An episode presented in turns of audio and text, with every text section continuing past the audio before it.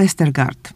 Po latach pracy w drugiej co do wielkości firmie w Polsce zajęła się propagowaniem zdrowego stylu życia. Jest pionierką cateringu makrobiotycznego. W Warszawie gotuje dla osób świadomych oraz chorych. W swoim gościńcu na Mazurach przychyla nieba, dzieli się wiedzą, prowadzi warsztaty kulinarne. Ostatnimi czasy spełnia się odbierając porody alpak. Znalazłam swoją drogę i misję do spełnienia. Dawniej byłam bizneswoman, biegałam w szpilkach i zarządzałam zespołem ludzi. Dzisiaj wszystko robię własnymi rękami. Powiedziała mi to kiedyś i to bardzo, ale to bardzo do mnie trafiło. Właśnie to, że teraz robię wszystko własnymi rękami. To jakiś rodzaj przywileju w naszych czasach i rzeczywistości wielkomiejskiej. Prawda, Cornelio? Jak najbardziej. Od razu widać rezultaty naszych prac, co oznacza, że jeżeli dużo włożę w coś serca, pracy, z reguły y, widzę te efekty bardzo szybko. Na mhm. niektóre trzeba czasami dłużej poczekać. Natomiast jak są trudne momenty i brak sił albo chęci do pracy, to też można sobie powiedzieć stop. Dzisiaj na przykład mam gorszy czas, w związku z tym odpuszczam. No i po prostu odpuszczam. Mhm to jest taki rodzaj właśnie wolności, który też jest przywilejem. Tak, aczkolwiek człowiek zawsze walczy jednak mimo wszystko ze sobą gdzieś tam wewnętrznie, szczególnie jak jest osobą taką zorganizowaną, nastawioną właśnie na realizację y, jakichś zadań, właśnie zadaniową. No nie przychodzi to łatwo, bo gdzieś tam czasami człowiek e, no, w podświadomości ma takiego kata, który go tam mhm. popędza i, i te wyrzuty sumienia gdzieś się pojawiają. Stąd właśnie jest bardzo ważne e, znalezienie tej równowagi, która w dzisiejszych czasach jest naprawdę chyba jednym z największych wyzwań, e, które my wszyscy mamy. A jednocześnie dóbr, a jednocześnie potrzeb, tak. Właściwie warunków koniecznych do przetrwania. do egzystencji, tak. tak. Tak sobie teoretyzujemy na starcie, ale chciałabym się dowiedzieć, Cornelio, czy ty kiedykolwiek planowałaś takie życie? Jakby mi ktoś powiedział, e, jeszcze na początku 2008 roku, że mm, będę gotować dla innych, że będę miała dużą hodowlę alpak, że w ogóle zamieszkam na krańcu Polski, nie powiem, że w dziczy, ale prawie, że, e, bo mimo, że do miasta mamy stosunkowo niedaleko, to jesteśmy mm, na łonie natury, mamy dużo łąk dookoła i, i lasów. Jakby mi ktoś powiedział, że tak, będę mogła się zaszyć w takim miejscu i, i robić rzeczy, które są bliskie memu sercu, to bym, no nie wiem, czy bym go wyśmiała, ale, ale, ale zrobiłabym na pewno wielkie oczy. No, powiem ci szczerze, że no my się spotykamy co kilka lat. I za każdym razem zaskakujesz mnie czymś nowym.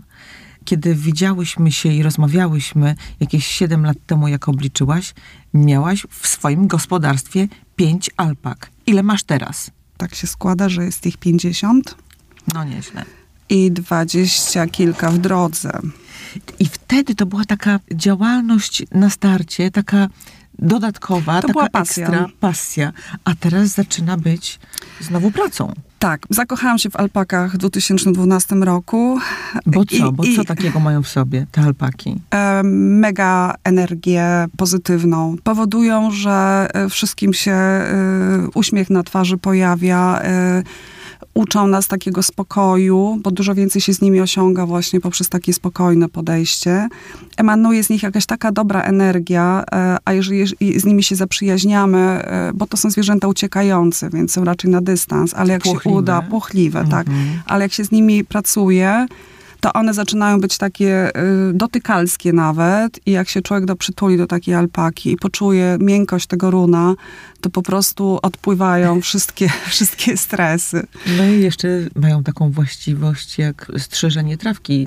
Nazywasz je czasem samobieżnymi kosiareczkami. Tak, znaczy y, ta funkcja emocjonalna jest główną, natomiast jest dużo praktycznych funkcji, bo tak jak wspomniałaś, kosiarka ekologiczna, samobieżna, jeszcze z funkcją produkcji ekogroszku. Pięknie o tym mówisz. Tak, o, który, ekogroszku. Ekogroszek, który używamy w ogródku. Mm. Na nim rosną marchewki e, i buraczki, jakieś inne piękne piękne, y, na przykład szpinak, inne, Do inne warzywa. kuchni makrobiotycznej. Tak, tam na miejscu na Mazurach, czyli koszą trawę, a oprócz tego dają fantastyczne runo, które jest y, jednym z najlepszych włókien na świecie naturalnych, z którego można zrobić wiele, wiele fajnych rzeczy.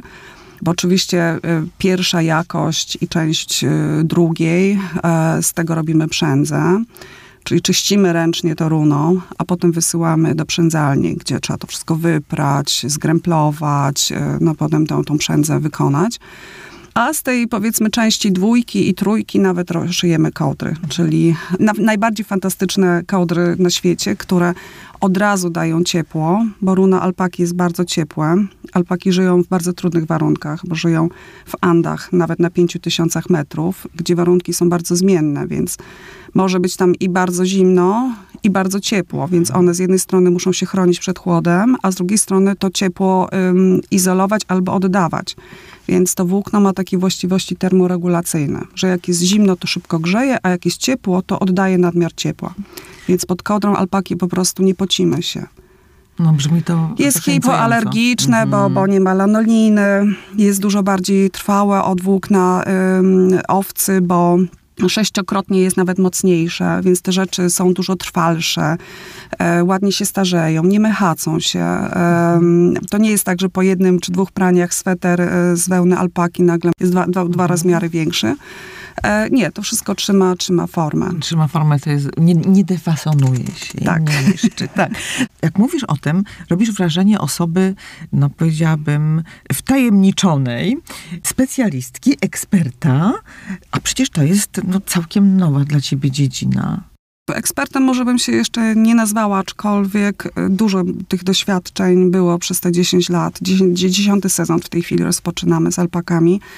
E, Nie ukrywam, że byłam na wielu warsztatach, e, głównie z cudzoziemcami, bo ta wiedza gdzieś płynęła e, z Niemiec, z Wielkiej Brytanii, nawet z Peru. Mm, Bardzo znany sędzia Arturo e, Peña też chociażby wykłady w Polsce. Znaczy online'owo, no bo tutaj też dużo Sędzia? rzeczy. Sędzia z sądu czy sędzia z wojska piłkarskiego? Nie, z ringu do oceny alpak. Aha. Bo alpaki, tak jak inne wszystkie hodowlane zwierzęta, też się ocenia e, i mamy dwa rodzaje e, wystaw. Możemy wystawić zwierzę, tak jak się to robi z psami albo z końmi, a możemy wystawić ich runo. To, co jest zestrzyżone, czyli ten tak zwany polar mm, albo welon, różnie się na to mówi, czyli ten grzbiet, ta cała jedynka, ewentualnie dwójka, czyli jednorodne, e, jednorodne runo, pokazujemy i to też jest oceniane pod względem wielu parametrów Ale w to wyszłaś. czyli takiej jednorodności, cienkości. Patrzymy na te karbiki, na połysk, jedwabiste, no w ogóle kolory, wszystko jest oceniane, długość, y, przede wszystkim wagę tego runa, bo po to się je hoduje, żeby mieć tej, tej wełny jak najwięcej. Żeby było efektywnie, prawda? Tak. I wiem, że ściągasz je z, ze świata. To nie jest tak, że kupisz alpakę gdzieś y, po sąsiedzku, gdzieś w Polsce. Można, ale, znaczy tak, w ogóle alpaki w Polsce pojawiły się z Chile. Mm, Dużo ich z Chile przyjechało, na, znaczy na początku relatywnie dużo, no bo w ogóle alpak za dużo to jeszcze nie ma w Polsce, chociaż ostatnio stają się coraz bardziej popularne, więc szacujemy, że jest ich no, na pewno kilka tysięcy. Można w Polsce oczywiście kupić alpaki, które rodziły się z tych pierwszych, natomiast jeżeli chcemy poprawić jakość stada pod względem genetycznym, czyli właśnie jakość runa, budowy, no bo tu mówimy o budowie zwierzęcia również, żeby alpaka była ładna, wpisywała się w kwadrat, y, czyli wysokość równa długości. Lubimy te krótkie noski, lubimy jakie alpaka zarośnięta od noska i ma to runo takie gęste, ładne, karbikowane. No to niestety z pustego i Salomon nie naleje. E, trzeba zasilić e, właśnie pulę genetyczną e, no, lepszymi alpakami. I tu są różne metody. Można pojechać na krycie za granicę, na przykład w Europie i, i pokryć samicę lepszym samcem, a można takiego samca z bardzo daleka sprowadzić. Mamy też reproduktora właśnie ze Stanów Zjednoczonych w tej chwili nawet. No. Tudzież właśnie samicę z zagranicy, bo do tanga trzeba dwojga. Nawet jak będzie super samiec, to on oczywiście nam dużo poprawi w stadzie, ale jak chcemy mieć y, super jakości dzieciaka, no to trzeba mieć i ładną mamusię, i ładnego tatusia. Zgadza się. Cornelio, teraz y, twoją pasją i treścią twojego życia są alpaki. Wcześniej Nie Y, tylko. Nie tylko. To się wszystko łączy. No dobrze, właśnie. Wszystko ta- jest To z czym równolegle. się łączy? E, Całorocznie gotujemy dla naszych klientów posiłki na ciepło w termosach. W sezonie Makrobios przez Bar. Makrobios Barze, tak. E, Od makrobiotyki. Tak. Tak, od makrobiotyki, makrobios, czyli długie, duże życie. Chodzi o zdrowie, długowieczność, o witalność, o takie właśnie naturalne jedzenie, na świeżo gotowane. Natomiast latem e, jestem, mieszkam bardziej na Mazurach przez no, pół roku praktycznie, bo trochę przed sezonem, który otwieramy majówką i, i trochę po sezonie, bo trzeba wszystko spakować i przygotować dom na zimę. Czyli można powiedzieć śmiało, że pół roku mm, siedzę na Mazurach. Em, Jeżeli przyjeżdżam do Warszawy, to tak tylko raz, dwa, trzy razy i to właściwie do szpitala alpakowego, bo na przykład wiozę alpakę, y, no, której trzeba pomóc, bo na przykład, nie wiem, doszło do skrętu macicy przed porodem albo no takie trudniejsze W przypadki. Warszawie są takie szpitale? Jest pod Warszawą, w Konstancinie. Tu mogę tak polecić nasz zaprzyjaźniony Omnivet, bez którego y, parę dzieci by nie żyło. Y, Parę dzieci alpakowych. Alpakowych, dokładnie Na tak. wypadek, gdyby słuchali nas tacy, którzy Hodowcy, chcą tak. założyć hodowlę alpak. Tak. Znaczy, dzisiaj już jest dużo lepiej, bo, bo już jest ta wiedza w Polsce. y, Są specjaliści, którzy mogą pomóc. E, Na Mazurach mam y, do pomocy tak y, po troszeczku panią, która, która założy mi wenflon i to jest dla mnie już bardzo dużo, bo mogę wtedy podać różne kroplówki potrzebne, Mhm. jeżeli ratujemy jakiegoś dzieciaka.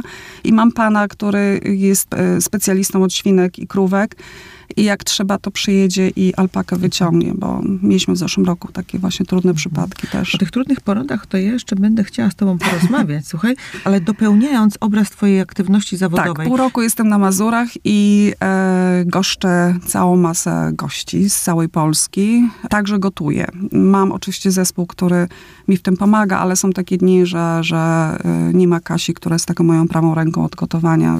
E, już parę lat ze mną gotuje. No to staję i, i, i ja do, idę do kuchni, tylko zlecam dziewczynom, co mają mi podszykować, ja wszystko składam. Chciałabym cię kiedyś zobaczyć w akcji, wiesz? Bo ty musisz to robić bardzo sprawnie i bardzo szybko, bo robisz tego przecież bardzo dużo. No tak, kuchnia jest najmniejszym pomieszczeniem w całym gościńcu, natomiast jest tak zorganizowana, że właściwie stojąc, po pierwsze my tam możemy we trzy pracować, nawet każda ma swój rewir i po drugie mamy wszystko w zasięgu ręki, można by tak powiedzieć. Nie trzeba, człowiek się nie nabiega.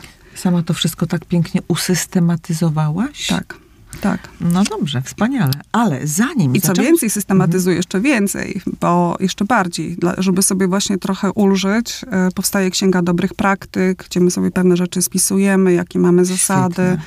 E, Żeby tego nie zgubić potem, żeby się nie uczyć od początku. Tak, jak przychodzi nowa osoba, bo tak w tym roku będzie, dostaje segregator, gdzie ma wszystko opisane, ma zdjęcia, jak coś jest poustawiane, gdzie co znajdzie. Ma usiąść, sobie to poglądać. Jeżeli ma wątpliwości później podczas pracy, to ma instrukcję, może sobie znowu do tego wrócić. No bo przy pracy sezonowej mamy zmiany w zespole, siłą rzeczy. Mam osoby, które pracują ze mną całorocznie, no ale też dochodzi do jakichś zmian w zespole i wtedy jest ciągła, ciągłe Mhm, uczenie. Rotacja, tak, Tak. No uczenie od początku, ale to fantastyczny pomysł, wiesz, który można kupić, zapożyczyć i przerzucić do swojego biznesu, ale czas też do prywatnego życia, bo czasami dobrze Bo jak coś się robi spisać. coś tak, bo jak się robi coś Mhm. raz, owszem, to, no, to nas kosztuje i nie zawsze mamy na to czas, ale to potem tak procentuje, bo, bo możemy wracać, sięgać Dokładnie. i, i tylko to rozwijać. Dokładnie. Cornelio, y, zanim postanowiłaś żyć blisko natury i robić y, te fantastyczne rzeczy dla siebie i dla innych ludzi, pracowałaś w korporacji. Powiedziałaś mi kiedyś, że to była korporacja no, poważna, bo druga co do wielkości w Polsce. I pracowałaś tam systemowo też, te kilkanaście lat właśnie i w pewnym momencie zrobiłaś zwrot.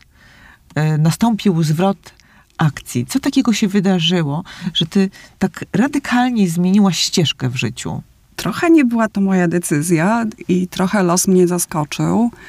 E, zbiegło się to z moimi 40 urodzinami, gdzie trzy rzeczy się zbiegły w jednym czasie. Na początku 2008 roku i to była bardzo smutna e, rzecz, która się wydarzyła. E, Okazało się, że moja mama ma chorobę nowotworową zdiagnozowaną i to był rak trzustki wielkości pięści.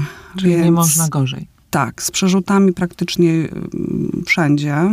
Mm, Nieoperacyjny guz, w związku z tym no lekarze położyli, znaczy zrobili krzyżyk, odesłali mamę do domu i jedyne, co można było zrobić, to poprawić komfort życia. Udało się to, aczkolwiek no to był trudny okres i, i opieka y, na odległość, bo to było pole, ja tutaj w Warszawie. E, no i w dodatku e, bardzo trudna i w ogóle no, nowa sytuacja, e, gdzie człowiek chciał z wszystkich stron pomóc, jak tylko mógł.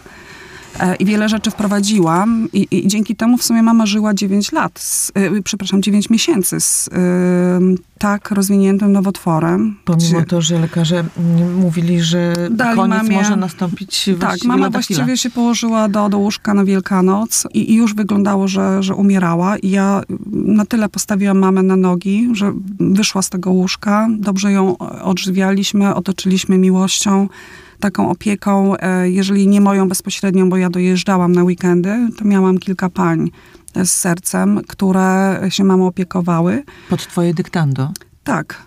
Oczywiście mm, podstawowe rzeczy, mm, czyli pomóc mamie e, rano się ubrać, wykąpać, bo musiała wejść do wanny, nie było prysznica w domu. Mama była sprawna fizycznie, tylko mhm. właśnie i, to, że miała też to towarzystwo, miała z kim porozmawiać. I wtedy już pomagałaś jej mm, na odległość. Dietą, tak, ale dietą makrobiotyczną? Tak, no, to znaczy mhm. wtedy się, wtedy zaczęłam poszukiwać i wtedy dowiedziałam się o diecie makrobiotycznej na warsztatach nomen omen numerologicznych. E, ktoś mi powiedział o Krzysztofie Kolbergerze, który przez wiele lat walczył z chorobą nowotworową. I to był właśnie rak nerek oraz trzustki. Mhm. Przez wiele lat, czyli przez ile lat? Bo rzeczywiście pamiętam... O... To było albo dziewięć, albo nawet kilkanaście lat. Mhm. Ta choroba... Bo, bo, pod koniec tej choroby no, już było ewidentne, że jest chory na raka, bo to było widać. Ale rzeczywiście Ale pamiętam, że się długo, wszyscy, tak. Że to ma taki background, prawda? Tak. Tak, i właśnie pan Krzysztof był na diecie makrobiotycznej. To mu dawało y, tą energię życiową do walki z chorobą, do jednak odbudowy organizmu. I, I mimo, że gdzieś na końcu tą, tą walkę przegrał, ale, ale zyskał jednak mimo wszystko dużo czasu, jeszcze bardzo dużo stworzył. No właśnie. I pracował przecież. Pracował, tak, funkcjonował. No jest przecież bogata spuścizna. Także y, na pewno zyskał dużo mhm. czasu. I to podziałało ci na wyobraźnię, jak rozumiem. Tak. I zaczęły się negocjacje z moją mamą, bo zmieniłam jej dietę, przestawiliśmy się właśnie na potrawy świeżo gotowane, takie zupowe, pełne spektrum różnych składników a nie paróweczka, którą mama kochała, czy żółty serek. Tu były negocjacje, że parówka, klasyka. tak, mhm. parówka była y, w niedzielę na śniadanie i były negocjacje po prostu, ile można było, tak, no bo też nie o to chodziło, żeby nagle y, mamy ukarać i wszystko totalnie zmienić. I zabrać. Tak, tak, żeby ona jednak no, miała jakieś tam swoje te przyjemności. E, wprowadziliśmy e, dużo leczenia magnezem, izoflawonoidów, e, no różnych takich rzeczy, takich wspomagaczy naturalnych, które trochę hamowały tą chorobę nowotworową. No i dawały też siłę i, bu, i, i materiał, budulec do tego, żeby jednak już stworzyć nowe komórki, które tą, no, dawały siłę mamie. Mama Wiesz, nawet zyskała, bo że mama schudła 14 kg. To nam też dało do myślenia przed, przed właśnie diag postawieniem diagnozy a potem od momentu, kiedy już wiedziałam, w czym rzecz, y, udało się mamę y, odratować. Już nie pamiętam ile kilogramów, ale ona przybrała. Ona, mhm. ona rzeczywiście nabrała sił, y, przytyła. Y, jak chodziłam, jeszcze konsultowałam y, chorobę mamy z różnymi profesorami, to się dziwili, że jak to ja po dwóch, trzech miesiącach przychodzę, ja jeszcze pytam się, jak mam mamę dalej prowadzić, żeby no, to leczenie było lepsze. Mówię, jakie leczenie? Przychodziły panie, załatwiłam hospicjum domowe, przychodziły pielęgniarki bardzo takie sympatyczne, myśmy tam dużo na ten temat mamy rozmawiały i się, i się zawsze pytałam, jak tam i tak patrzyłam im głęboko w oczy i, i chciałam, żeby, żeby tak potwierdziły, że jesteśmy na dobrej drodze wyprowadzania mamy. One też tak zawsze na mnie patrzyły, ale jak to? Przecież to jest hospicjum.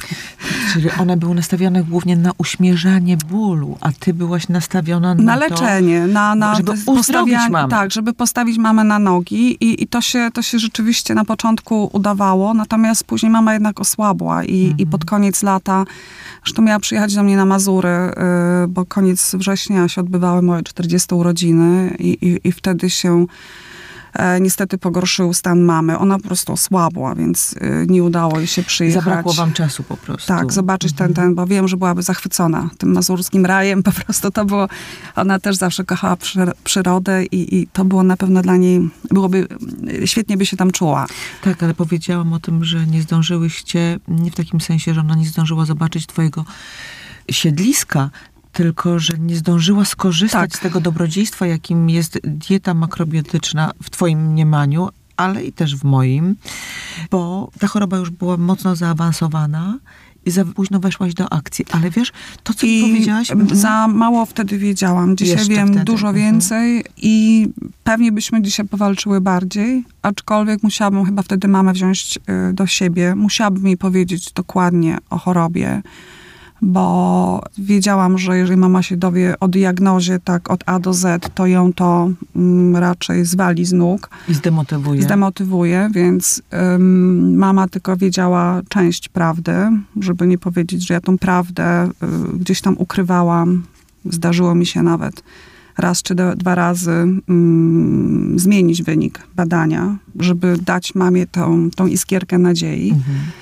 Ale mama, no, będąc lekarką, e, no, czuła, wiedziała, że, że, że, że Mama była lekarzem. tak, widzisz. mama była chirurgiem, stomatologiem. Głęboko wierzyła, że mleko jest bardzo zdrowe i w ogóle ta taka dieta mm, kiedyś pokutująca, że ona była taka właśnie prawidłowa, więc y, no, też miałam tutaj niemałe zadanie, żeby jej poprzestawiać Żeby pewne rzeczy. Absolutnie, przestawić wręcz zrobić rewolucję, bo nie dość, Żeby że... zabronić wręcz nawet Tak. niektórych rzeczy. Jogurciki, mleczko i tak dalej, e, no w sumie zakwaszające. Czy jogurty to jeszcze pół biedy, bo jeżeli one są przefermentowane, to jeszcze mają pewne wartości, ale, ale no, mm, takie mleko do picia, które Surowe, zakwasza, tak, tak, ugotowane, czyli już no, zakwaszające. Nie do przyjęcia. Nie. Ale dobrze, tak czy owak coś wam się udało, bo przedłużyłaś mamie życie albo przedłużyła sobie, stosując się do twoich wskazówek. I mama miała bardzo szczęśliwy okres. Taki Aha, dużo, ale- dużo mhm. osób było wokół niej. Ach, i to też było ważne, czyli ta Tak. opieka psychologiczna. Ale tak czy owak, chciałam wrócić do tego, czym jest dieta i jak wielko, wielkie znaczenie ma to, co jemy. Bo przecież pomimo to, że to było tylko 9 miesięcy, to udało wam się zrobić bardzo dużo. Czyli dieta przynosi efekty tak szybko, czy zmiana diety? E, Makrobiotyka ma wiele przykładów osób, które medycyna skreśliła, odesłała do domu, żeby no, odeszły wśród bliskich. I kiedy mm, już nie mamy dylematów, którą drogą pójść, bo została nam już tylko jedna, żeby na przykład poprawić właśnie styl żywienia i komfort życia. Są znane przypadki osób, które y, wstawały z łóżka i e, wracały do żywych i odzyskiwały zdrowie w pełni. Ja myślę, że jakby to był inny nowotwór niż trzustka, to miałybyśmy takie, takie szanse. I można E, byłoby zregenerować uszkodzone tak, organy? tak, bo człowiek się codziennie odnawia. E, Od tego, co my wkładamy do ust, e, zależy e, budowa naszego ciała. My codziennie odbudowujemy przecież nowe komórki. Część komórek umiera, powstają nowe. Więc jeżeli zaczniemy, jeżeli zmienimy budulec, bo jak na przykład budujemy dom, no to patrzymy, czy kupujemy dobrej jakości cegły, czy gazobeton, czy jakieś jeszcze inne materiały. A w momencie, kiedy wkładamy jedzenie do ust, nie zawsze się nad tym zastanawiamy, że to jest budulec, który buduje nasze komórki. Szczególnie zdrowe tłuszcze, które, y, no bo, no bo nasza komórka, błona komórkowa to jest białko i, i tłuszcz. Szczególnie kwasy omega-3, których tak bardzo nam brakuje w diecie. E, przeciwzapalne. E, no jest bardzo dużo e, elementów, które, e, nie wiem, zasilenie organizmu, odpowiednie minerały, e, o, osłabioną już witaminę D, która przecież stymuluje układ immunologiczny. My możemy tak dużo zrobić dla odbudowy ciała takiego fizycznego i właśnie podniesienia obronności organizmu. Układ immunologiczny możemy zastymulować tak wieloma rzeczami e, e, pochodzenia naturalnego, że sobie nie zdajemy nawet sprawy. Jesteś tutaj kopalnią wiedzy, wiesz, Kornelio, ale dobrze, żeby uporządkować naszą opowieść, wracamy do twoich 40 urodzin. Tak. No to było takie trudne wydarzenie. Z jednej strony wielka radość, bo właśnie nie wiedzieć czemu kupiłam wielki dom na Mazurach. Zawsze chciałam mieć taką, mm, no właśnie, gdzieś oazę spokoju, taki azyl. Myślałam albo Bieszczady, albo właśnie północne Mazury, gdzieś, gdzie jest mało ludzi, najmniejsze zagęszczenie w Polsce, duże przestrzenie. No i udało mi się rzeczywiście ten dom kupić. Wielka radość, zbliża się moja czterdziestka, robię wielką imprezę na dużą liczbę osób. I parę dni przed, kiedy miałam właśnie iść na urlop, żeby to wszystko tak dopiąć do końca, przyszedł do mnie do gabinetu. Zjechał z 26 piętra na 24 pan prezes. Byłam zdziwiona, bo to zawsze ja do niego biegałam. No taki właśnie trochę poddenerwowany usiadł i powiedział, że to no nic osobistego, ale zmiana planów i w ogóle, że reorganizacja, że no może jakiś taki projekcik z boku, ale że generalnie ma inny pomysł na moją osobę. Mhm. To nie było tak, że on mnie zwolnił, natomiast no, chciał mnie odstawić na boczny tor. Czy zdegradował? Poniekąd tak, no bo nie pasowałam do jego układanki, do jego loży klakierów. A byłaś w zarządzie? Tak, znaczy w grupie 12 osób za, zarządzających e, dużą grupą telekomunikacyjną, gdzie dużo się działo, wszystko było duże. Duże zespoły, duże budżety, duża presja duża biegunka w ciągu tygodnia, a potem duży klops na weekend, bo poziom stresu był e, bardzo duży, no bo po prostu wszystkiego się tak dużo działo, że, że ciężko było to mhm. e, ogarnąć. Szczególnie, jeżeli ktoś ma jeszcze takie podejście, że chce wszystko zrobić dobrze, jest pracowity i jak mu dają rozkaz, to go wykonuje, stara się wykonać. Po śląsku? No, takie tylko. właśnie, tak, no nie tylko, tak. Myślę, że tak, taka się urodziłam. Jeszcze mhm. miałam takie wychowanie, że Ordnung muss sein i jak mhm. jest, y, są autorytety, są zadania, to trzeba tak właśnie wszystko postarać się jak najlepiej wykonać. Mhm. No a wtedy jak przyszedł, to I jak przyszedł, to tak poczułam się, znaczy byłam z jednej strony zszokowana, może dlatego, że to było tak, tak kontrastujące w stosunku do tego, że przed chwilą jeszcze przecież awansował, że miałam bardzo dobrą reputację i, i bardzo dobre postrzeganie za granicą u, u głównego inwestora. Powiedziałam tak, okej, okay, dobrze, teraz nie będę się tym martwić. Trochę tak jak przeminęło z wiatrem. Jadę na Mazury, zajmuję się swoimi urodzinami, potem się będę tym martwić. No i pojechałam, e, szykując w ferworze wszystko. Sobotę miała być wieczorem impreza i po południu zadzwonił telefon z Opola. Mhm. Zadzwoniła pani doktor, która się opiekowała, y, była takim lekarzem domowym, przychodziła i regularnie y, sprawdzała stan mamy. Powiedziała, że jest gwałtowne pogorszenie stanu i że trzeba w trybie pilnym organizować hospicjum. Mhm. I to był taki, nawet teraz mam ciarki, jak, jak to mówię taki, taki cios i no takie zdarzenie znowu, że przecież ja tu mam swoje urodziny, no okej, okay, mama nie przyjechała, bo no bo była, była słaba, no ale że to tak się szybko potoczyło.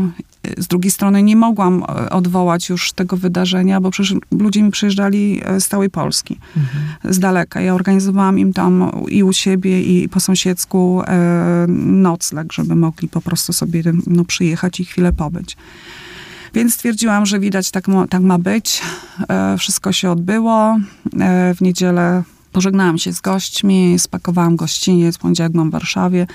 E, we wtorek już w Opolu i zawiozłam we wtorek mamę do, do hospicjum. Stacjonarnego. Tak. tak. Bardzo takiego na wysokim poziomie, e, gdzie rzeczywiście no, były bardzo dobre, dobre warunki.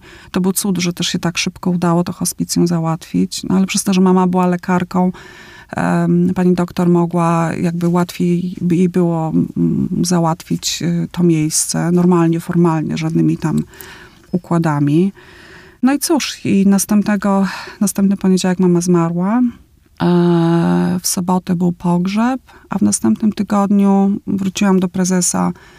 Najpierw w czwartek porozmawiałam ze swoim ówczesnym partnerem. Rozmawialiśmy, myśmy od pewnego czasu rozmawiali, że to jednak nie ma sensu. To była taka próba sklecenia dwuletniego związku po czymś, co się rozpadło wcześniej. I może tak jak już w tym bólu, który tam się tak rozwijał, to ten element już y, jakoś tak naturalnie popłynął. Myśmy się wtedy, pamiętam, rozstali w czwartek, a w piątek porozmawiałam z panem prezesem, że, e, że ja jednak wybiorę inną ścieżkę, że to jest może moment na rozstanie po prostu z firmą, niż udawanie, że coś będę robiła mhm. na torze bocznym. trzy tygodnie niespełna po moich urodzinach. Zostałam z dużą ilością wolnego czasu. Taka, no, w zderzeniu ze ścianą, bo to było takie wyhamowanie z bardzo wysokiego Z pędu, pędu. tak. tak e, gdzie, gdzie zawsze wszystko było na tempo, mm, telefon dzwonił, ciągle spotkania, ciągle brakowało czasu na, na, na, na, na, różne rzeczy. Potem mama, a tu raptem nic, niczego od ciebie nie chce. Tak, i wszystko, co było treścią mego życia, wtedy znikło. Trzy tygodnie, można Mhm. powiedzieć. Trzy tygodnie, czy roz, rozstania. E, Zresztą pamiętam chyba kiedyś nawet tak, tak żeśmy nazwały. Tak tak to E, taką poetycko nazwałaś, tak. Aczkolwiek, no wiesz, kumulacja nieprawdopodobna. Jak sobie z tym radziłaś? No, na początku było dziwnie, bo budziłam się i patrzyłam w sufit i się tak zastanawiałam, wstawać, nie wstawać. Kurczę, czy ja jeszcze jestem w ogóle komuś potrzebna? E, Bo telefon nie dzwoni, nie muszę nigdzie pędzić. E, Tak naprawdę mogę się zastanowić, co ja z tym czasem zrobię. Bardzo, bardzo dziwne uczucie. E, No i też taka trochę niepewność na pewno, co będzie w przyszłości. Mm, Z drugiej strony niechęć, żeby biegać po headhunterach i szukać na, na prędce pracy. Yy, raczej czułam, że to jest taki moment, e, że stoję właśnie, że chyba zamykam jakiś rozdział i że chyba ten świat korporacji już nie jest dla mnie. Zresztą tak też to trochę czułam mm, Wcześniej? wykonując kolejną prezentację w obszarze strategii, e, ważną, fajną, a potem do szuflady, e, że, że mm, no chcę robić rzeczy, które są jakby takie namacalne i w moim rozumieniu potrzebne innym. Mhm. Oraz mi również, żeby się realizować. To się zaczęło budzić, tak? Tak. I e, no, przeszłam taki etap najpierw pożegnania z mamą i zrozumienia w ogóle zja- zjawiska śmierci. E, Jeździłam na warsztaty o śmierci. To się nazywa Mhm. tanatoterapia. A na czym to polega? E, Na oswajaniu, po pierwsze rozumieniu zjawiska śmierci, etapów, właśnie przygotowania się na śmierć bliskich, ale i na śmierć swoją. A można się przy, przygotować Można ją, tego? sobie, można ją sobie wyobrazić.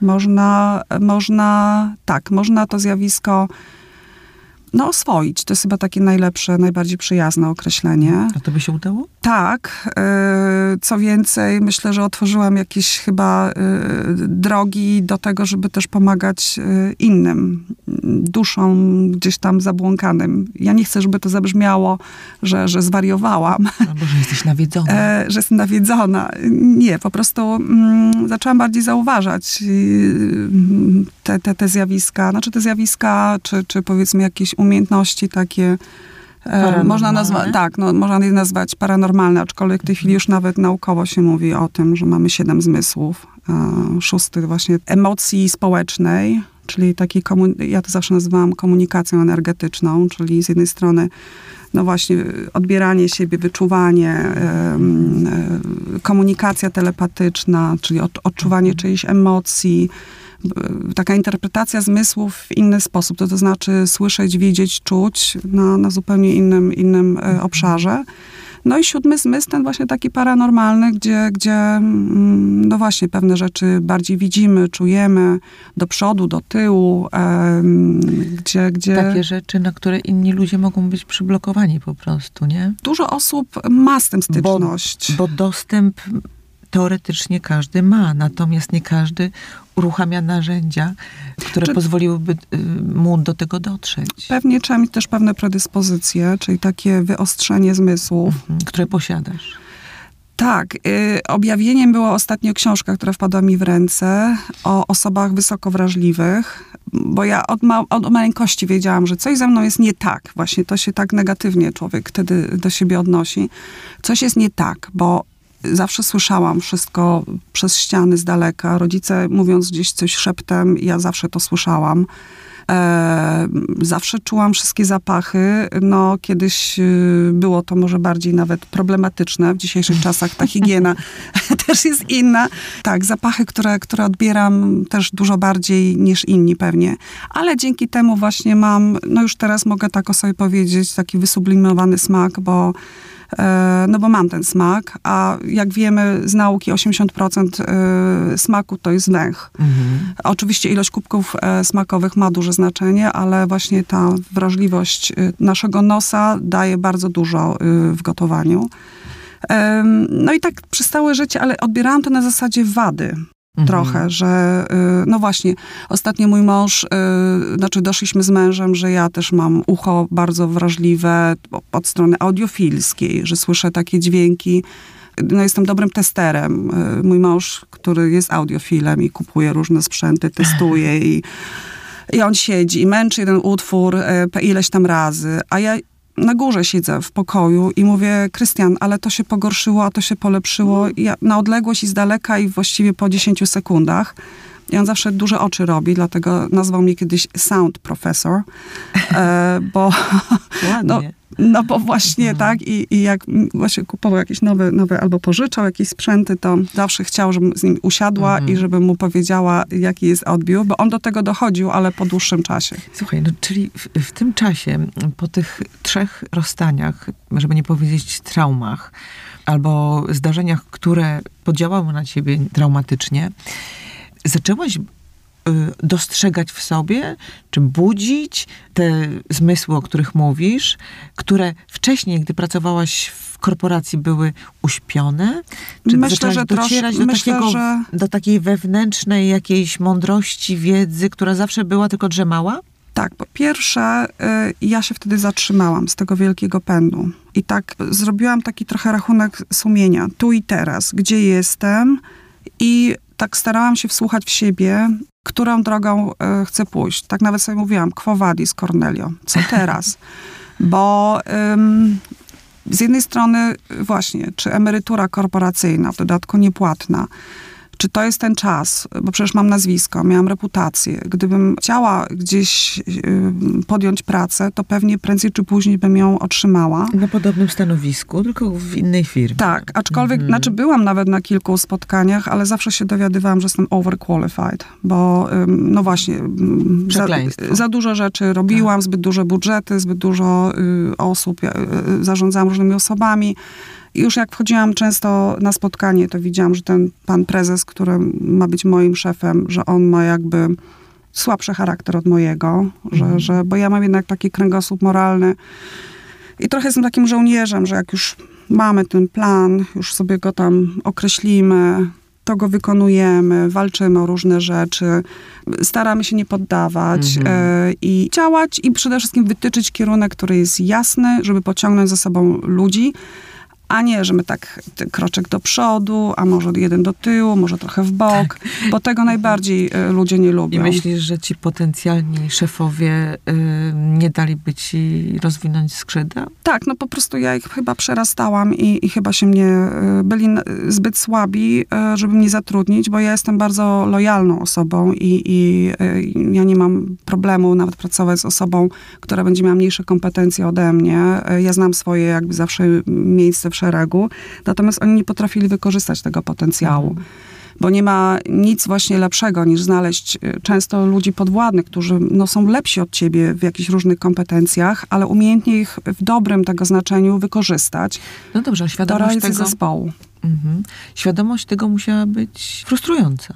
Nie do końca, bo to już był czas, kiedy tak, zrobiłam ten rachunek sumienia i tak stwierdziłam, dobrze, no mam ten wielki dom na Mazurach, hmm, pensja korporacyjna za chwilę się skończy, no bo tam jeszcze był jakiś okres wypowiedzenia, to ja teraz muszę się zająć tym domem odremontować go. Mhm. Znaczy, on może nie był w takim, znaczy on był wyremontowany, ale dokończyć jakby, no różne rzeczy tam poprawić, zrobić stronę, i otworzyć gościniec, w ogóle za, zarejestrować się jako rolniczka, no bo mam, mamy tam sporo ziemi. Żeby móc prowadzić agroturystykę, trzeba mieć właśnie, właśnie ziemię. No, tą ziemię, ta ziemia była kupiona w komplecie z domem. I mówię, kurczę, no będę rolnikiem. Nie mam dla kogo gotować y, w domu, no bo y, nie ukrywam, że ta praca w korporacji położyła się cieniem na moim życiu osobistym. Więc będę gotować dla osób y, mi obcych z internetu, takich, którzy zobaczą po prostu moją reklamę w Google'ach i przyjadą, nie mhm. wiedzieć dokąd. Znaczy wiedzieć dokąd, tylko nie wiedzieć, co ich czeka od strony kulinarnej. No dobrze, czyli zakładałaś... Zrobiłam sobie taką psychoterapię mhm. poniekąd. Pojechałam właśnie na te Mazury z wiosną 2009 roku, zaczęłam tam szykować dom, remonty, ale ponieważ byłam już po linii zdrowego żywienia, tej makrobiotyki, która dużo Zaliczałaś y, różne szkolenia. Byłam też na różnych warsztatach. Y, może nie tak wielu, ale y, dały mi taką... Ja bardzo szybko chłonę rzeczy, że one są bliskie memu sercu. Zresztą myślę, że już trochę razy byłam gdzieś na tym padole tutaj, więc mhm. u mnie mhm. to jest często tak, że ja budzę wiedzę, która gdzieś tam głęboko jest uśpiona. Chcesz powiedzieć, że wierzysz w reinkarnację? Oczywiście a te wszystkie pomysły spod prysznica, albo te różne wizje, które mamy. E, olśnienia. Olśnienia, e, déjà vu, no skąd to jest? To jest niewy, niewykasowany gdzieś tam kod przez Piotra tam na no. górze.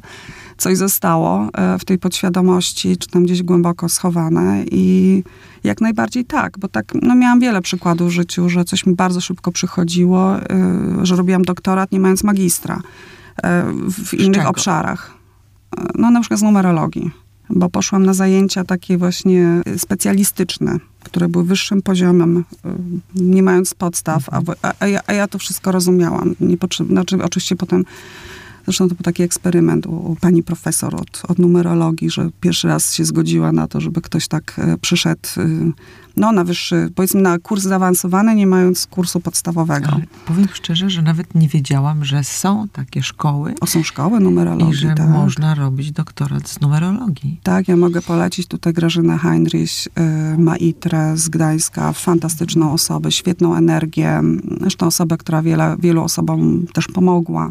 Chwytałaś się różnych y, ciekawych, acz niekonwencjonalnych metod poznania. Tak. Niektórzy myśleli, że zwariowałam. Nawet taką małą prowokację kiedyś zrobiłam, jak od, odchodziłam z firmy, robiłam imprezę pożegnalną, którą zrobiłam sobie sama, bo jakoś tak no w tej trudnej sytuacji e, firma chyba chciała bardziej o mnie zapomnieć. E, byłam takim trochę chyba wyrzutem sumienia. Więc e, na pytanie, co będę robić, pokazałam ulotki, że teraz będę numerologiem. I Musiała będę doradzać.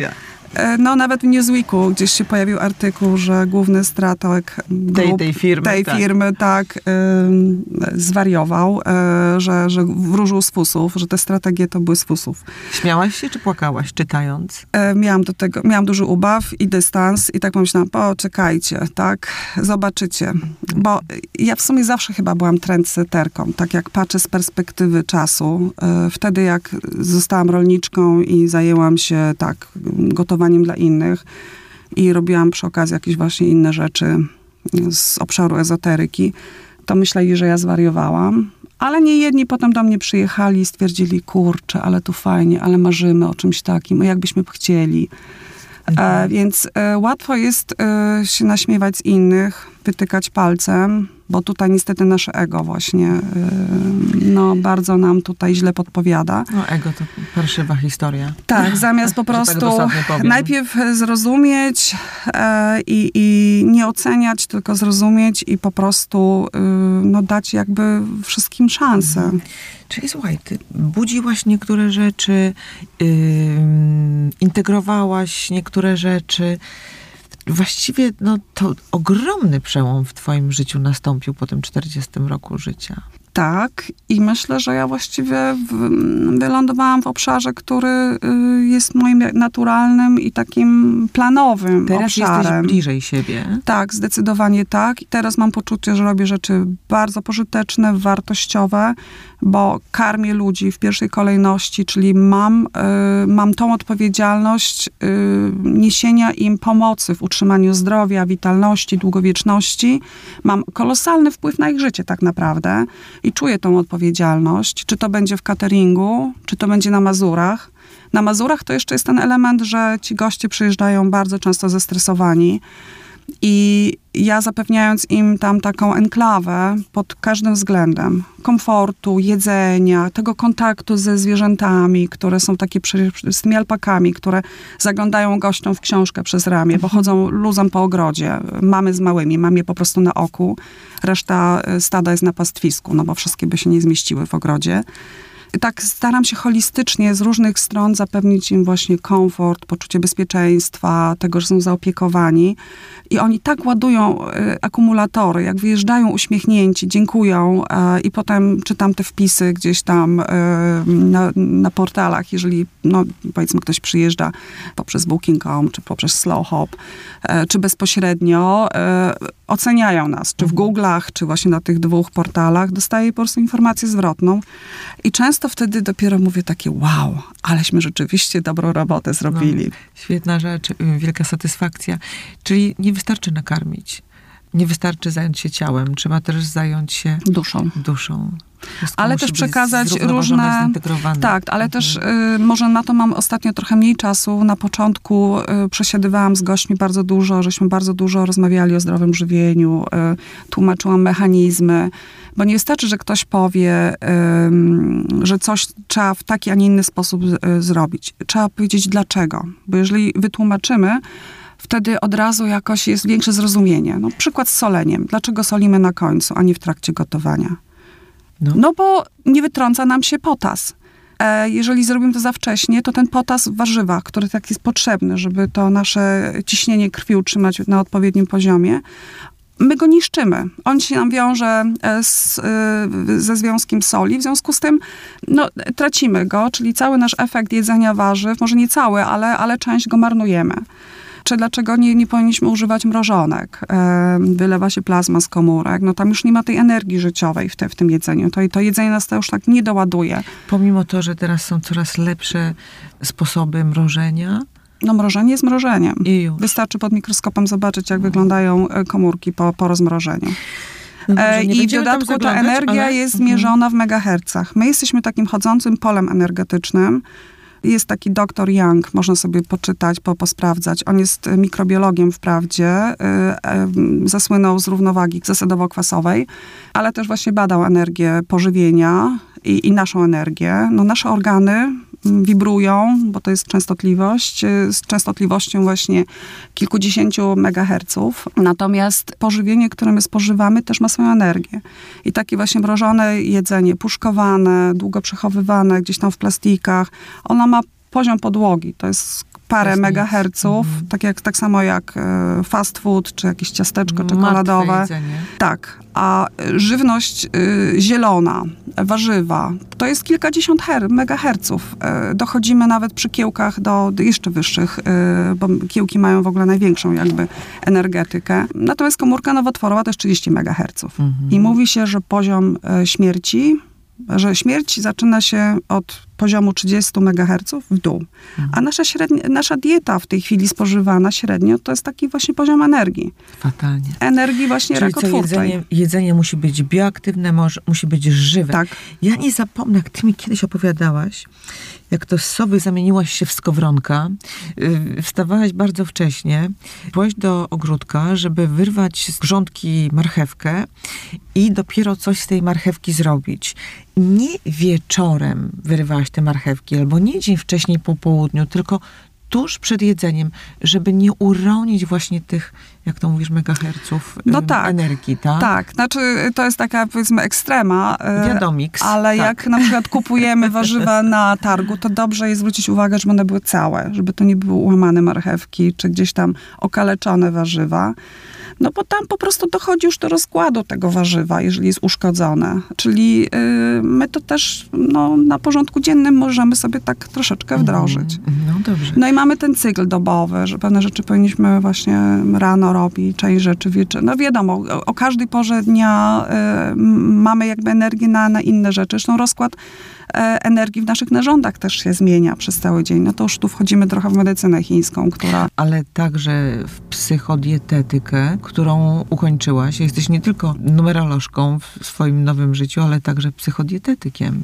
Tak, znaczy ja mam w ogóle wykształcenie biotechnologiczne. Jestem biotechnologiem. Gdzieś od za, tak. u zarania byłaś Potem pracowałam w marketingu i tak. strategii, tak. po czym wróciłam, zresztą jak studiowałam tą biotechnologię, to mówię, po co ci to było? No mama bardzo chciała, żebym poszła na medycynę ale ja tej medycyny wtedy nie czułam. E, no myślę, że teraz wiem, e, wiem, wiem, że tak właśnie od innej strony e, jakoś bardziej jest to bliskie memu sercu. już skończyłam ten obszar marketingu, strategii, oczywiście mi się to gdzieś tam przydaje w mojej obecnej pracy, zajęłam się, wróciłam do korzeni, czyli do tej biotechnologii, czyli rozumienia języka biochemii naszego organizmu, bo doczytuję cały czas różne rzeczy. E, zresztą na te studia też poszłam właśnie z wielkiej chęci e, bycia wśród osób, ciekawych wykładowców, e, bo to byli wykładowcy wręcz z Akademii Medycznej również, e, no z różnych, z obszaru i psychologii i właśnie tej medycyny, ale tej udowodnionej e, naukowo, która tak naprawdę dotyka kwestii często właśnie naturalnych rzeczy.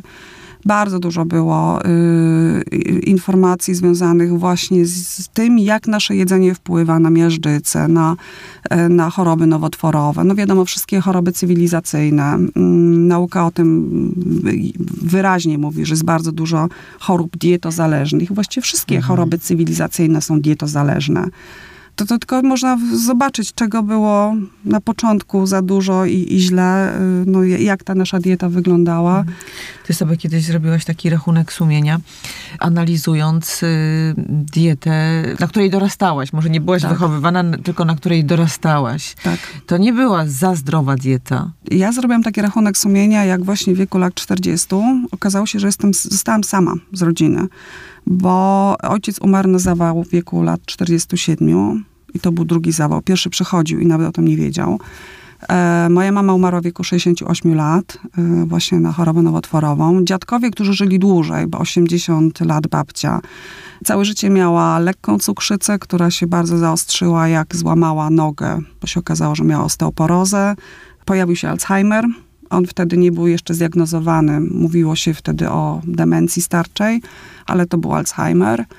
No a dziadek miał nowotwór prostaty, jaskrę, gnijące y, stopy od kolana w dół, otwarte rany, którymi się moja mama opiekowała miesiącami, żeby nie powiedzieć latami. Wyprowadziła to, ale to było bardzo trudne. Więc dało mi to do myślenia. A ponieważ mam korzenie niemieckie, pochodzę z Opola, Śląsko-Polski, no właściwie przed II wojną światową to były jeszcze Niemcy. Zarówno moi dziadkowie, jak i, jak i rodzice mieszkali, rodzili się jeszcze w innym kraju. No i kuchnia była w związku z tym śląska.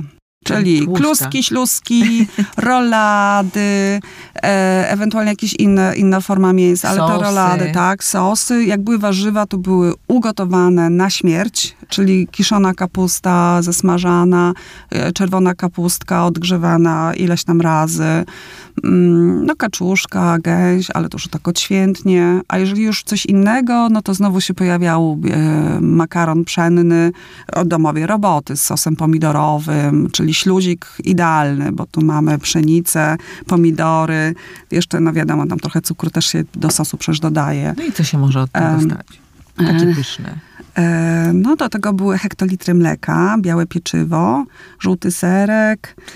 Czyli od tego tak, próchnica, skolioza, niby choroba zatok, czyli wiecznie cieknący nos, a tak naprawdę no to było pokłosie właśnie diety. Ja później tak analizując całą historię swoją, mogę powiedzieć 14 przypadłości, mniejszych lub większych, e, no większe chociażby jak utrata wyrostka robaczkowego, to wszystko było pokłosie diety Mhm. bolesne miesiączki, migreny, bardzo, bardzo, bardzo ciężkie. To wszystko ustało w momencie, kiedy y, wykluczyłam nabiał z diety. Tylko się zastanawiam, dlaczego mi to zajęło tak dużo czasu. Bo oświeciło mnie właśnie w wieku lat 40, gdzie po tygodniu przestało mi cieknąć z nosa. Po miesiącu przyszła miesiączka, która nie bolała. Albo bolała tak, że mówię, okej, ale chyba nie jest to taki ból, em, że muszę brać silną tabletkę, bo potrafiłam mieć takie bóle, że po prostu musiałam dostać za, zastrzyk spiralginy w tyłek, bo, bo było to nie do I to wytrzymania. też od nabiału? Tak. No skąd była skolioza, próchnica, e, odwapnienie organizmu, zakwaszenie. Mhm. To była dieta silnie zakwaszająca. Właśnie ta równowaga kwasowo-zasadowa y, jest mega ważna. Y, Oczywiście y, mówi się, że organizm nasz jest tak genialny, że on wszystko buforuje. No tak, tylko że właśnie to się dzieje kosztem czegoś, bo jeżeli mamy za dużo kwasu w organizmie, a my nie potrafimy wytwarzać zasad. My musimy zasady przyjąć z jedzeniem albo z piciem. No to y, jeżeli jest nadmiar tych kwasów w organizmie, część organizm wydali, a część, żeby zneutralizować, musi pobrać y, zasady z organizmu, czyli pobiera minerały, chociażby wapń z kości. Dlaczego w krajach, w których się pije tak dużo mleka, y, szaleje osteoporoza? Mhm. Jakie to kraje? Europejskie, Skandynawia też ma z tym problem, bo tam się dużo y, mleka pije, aczkolwiek oni są genetycznie trochę bardziej przygotowani, bo, bo tak od pokoleń mhm. tak, tak się działo. Ale wystarczy popatrzeć na Indie, w których w jednej części Indii, już nie pamiętam teraz, północnych bodaj się pije mleko, a w południowych nie i tam już można zobaczyć różnice właśnie w zachorowaniach na osteoporozę. A w Danii? Twój mąż, twoja wielka miłość, y, która przyszła pomimo tego rozstania tam y, w wieku 40 lat, jest Duńczykiem. Mhm. Czy na nim też ćwiczyłaś te swoje odkrycia makrobiotyczne? Oj tak, oj tak. Oj tak. Jak, jak Krystian nastał w moim życiu, e, radykalnie mu zmieniłam dietę, bo, bo jego dieta e, wyglądała tak. Rano nic, potem dużo, dużo kawy, w ciągu dnia, a wieczorem był stek, jakieś tam brokułki, a potem fajnie jeszcze było na przykład wieczorem trochę popcornu, tudzież piwko sobie wypić. E, to ja lubił czekoladę. Dodam, że jest szczupłym, wysportowanym mężczyzną, bo, bo Duńczycy w większości tak mają, że, że, ale o tym może, może, może za chwilę, że są właśnie bardzo, bardzo ruszającym się krajem. Natomiast wpadł w moje ręce. Dobrze, że był bardzo zakochany, bo się poddał bez, bez buntu. E, zaczęły... Nie wierzgał. nie, rano były śniadania takie zbożowe, gotowane. E, coś tam do, do pracy też dostawał. Potem obiad, kolacja, fasolką adzułki, jakimiś innymi jeszcze mm. fasolkami. Po jakimś czasie mi się przyznał, że myślał, że się rozchorował, że ma nowotwór. Do tego stopnia mm, się e, nie, przy, znaczy nie powiedział mi wtedy o tym, bo e, czuł, chciał ci robić przykrości? Tak, czuł spadek mocy, ale po pewnym czasie zauważył, bo chodził wtedy na basen, dużo, dużo pływał, że nagle mu się zmieniły proporcje. Kiedyś pływał kraulem mm, intensywnie 20 minut, już był zmęczony po czym stwierdził, że nagle mm, zaczyna się mierzyć e, z młodymi mężczyznami, e, że zaczyna być od nich z jednej strony szybszy, a, a z drugiej strony potrafi pływać dwie godziny. Oh yeah. Pracy zauważyli pracownicy, że szef jakiś taki mniej wybuchowy się stał, że jakiś taki się zrobił właśnie bardziej um, easy going, mm. albo powiedzmy bardziej harmonijny zauważył tą przemianę u siebie. Że... Czyli zobaczył, że dzięki takiemu jedzeniu, takiej diecie można... Najpierw się odkwaszał i oczyszczał. Tak. Dlatego miał tą y, obniżkę formy. Czyli ten detoks taki Tak, taki miał det, tak, A tak. potem się okazało, że to jedzenie przynosi więcej energii takiej skumulowanej na dłużej. Tak. Tak, że człowiek to staje się długodystansowcem i jedno... Bardzo cenna okoliczność, prawda? Tak, i staje się osobą y, dużo bardziej zrównoważoną, taką no, harmonijną. Zresztą to można dać dwa, dwa przykłady. Jeżeli my mamy brak równowagi w diecie, na przykład mamy za dużo rzeczy wychładzających i zaśluzowujących, czyli dużo słodyczy, ale też surowizny, to będziemy mieć e, taki no, spadek e, energii, będziemy flegmatyczni, ta wilgoć w tym organizmie, często nadwaga, brak takiej chęci do działania, czyli właśnie to tak po czekoladzie i po różnych słodyczach może być. I z drugiej strony, jeżeli w diecie jest za dużo ognia, czyli mięsa, ostro przyprawianych potraw, rzeczy, które dają nam tej energii yang, e, nagle się okazuje, że właśnie jesteśmy temperament wybuchowy, bardzo szybko dochodzi do jakichś kłótni, a na poziomie fizjologicznym nadciśnienie, problemy z układem e, sercowo-naczyniowym, no i cała masa e, chorób, które od tego idą. Także tak, właśnie y, spożywanie zrównoważonego jedzenia daje nam tą równowagę naszą taką wewnętrzną też w emocjach. Bo od tego, co jemy, bardzo zależy stan naszej, nawet bym powiedziała, świadomości, a na pewno poziom emocjonalny ile dietą można by zrobić w kwestii nadpobudliwości u dzieci na przykład. Tak, bardzo nie? dużo. To są często też braki. Brakuje nam kwasów omega-3, które są kluczowe dla prawidłowego rozwoju mózgu i też bardzo dużo y, chorób typu ADHD, no one są pokłosiem, znaczy pochodną tego, że właśnie brakuje chociażby tych dobrych kwasów. Czyli omega-3. czyli w czym możemy to dostać? Bo niekoniecznie w suplementach diety, nie? Znaczy tak, y, możemy oczywiście, y, no tutaj w ogóle na pierwszy plan wychodzi siemię lniane. Y, pradawne, stare, kiedyś nawet mieliło i zwierzętom dodawało do diety. Zalewane wrzątkiem? Nie. Właśnie o to chodzi, że kwasy omega-3 są niestabilne w wysokiej temperaturze. Najlepiej zmielić na świeżo, aczkolwiek można to zrobić raz w tygodniu, do słoiczka, do lodówki i potem taką zawiesinę y, zalać sobie letnią przygotowaną wodą, tak w temperaturze ciała i wypić. Ewentualnie można sobie kupić dobrej jakości olej lniany, taki już tłoczony, na zimno i najlepiej w chłodzie przechowywany, ale można też sobie pojadać orzechy y, włoskie, które też mają dużo kwasów omega-3, a w dodatku bardzo fajnie działają na sen, czyli równoważą nam e, no cały, cały ten, y, powiedzmy, znowu równowagę w tym rytmie dobowym. No i wszelkiego rodzaju warzywa, znaczy w ogóle wszystkie rośliny jakby pestkowe. One, one mają no, pestki dyni chociażby, e, konopi. E, no, tutaj szerokie spektrum tego, co nam natura dała. A można też suplementować oleje no, z ryb bo, bo mamy te roślinne, powiedzmy, kwas omega-3 i mamy też te zwierzęce, EPA i DHA, które znowu y, z dobrej jakości ryb y, pochodzą. Pierwszej części naszej rozmowy z niesamowitą pasją i znawstwem opowiadałaś o alpakach. Teraz y, z niesamowitą pasją i znawstwem opowiadasz o makrobiotyce. To jest niesamowite, jak ty się w tych swoich nowych dziedzinach rozwinęłaś i rozwijasz nadal. Mało tego, ty jesteś teraz akuszerką. Podobno czekają... I strzygaczem. Ode, ode, właśnie. E, podobno będziesz znowu odbierać jakieś porody. Właśnie wczoraj mieliśmy przegląd stada, e, robiliśmy USG i na 21 samic, które są na miejscu, 20 jest w ciąży. Dwie są jeszcze w transporcie, bo jadą za granicę, więc są na kwarantannie w tej chwili w Kanadzie też powinny być w ciąży, więc jak wszystko dobrze pójdzie, 22 porody, Matko Święta, ja w tym roku miałam 13 i to było, no to już było naprawdę dużo pracy. Słuchaj, trochę o tym opowiadałaś. Masz jakiś support. Szpital pod y, Warszawą. No, raptem 300 y, kilometrów tak, od, tak. A gdzieś tam Powiedziałam mężowi, karetkę potrzebuje. O, zam tak. kolejne zamówienie. Tak. Jest tam jakiś lekarz weterynarii, ale no tak czy owak krwią robotę wykonujesz y, sama.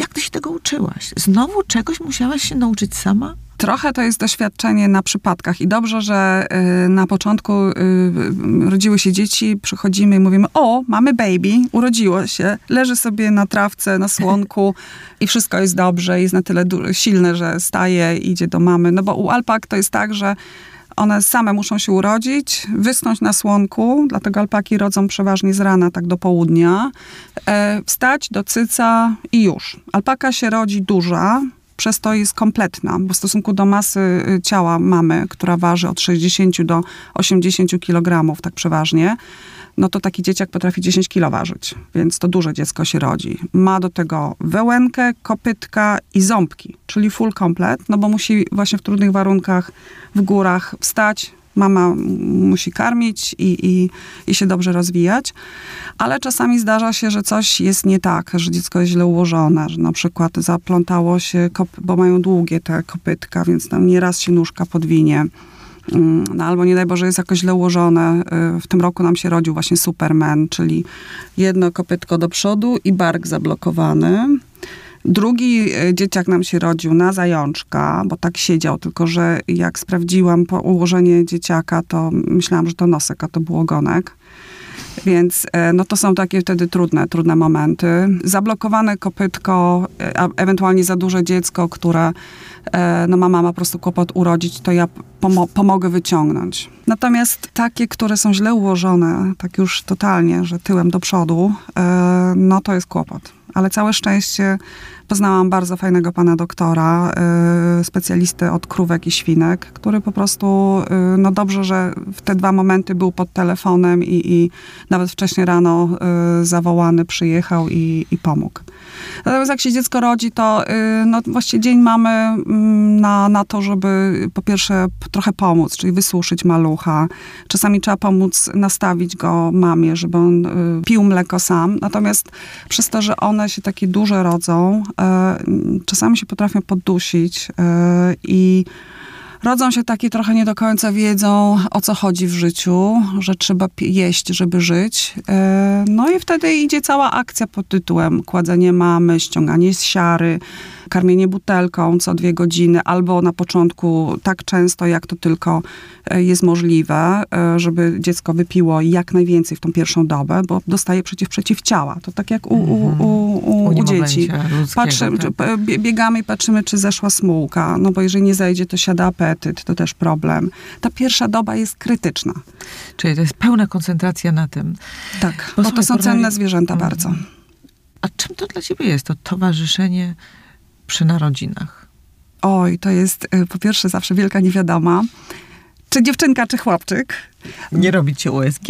Y, Nie, u alpak jakoś tak y, ciężko chyba. Chy- chyba nigdzie y, na świecie Nie nie, spotkałam. Tak, nie, Tak. właśnie nie, płeć, płeć nie jest ciężko. Wie, wiemy, że jest w ciąży i można tam różne rzeczy zobaczyć, ale, ale płci się raczej przed y, narodzinami nie określa.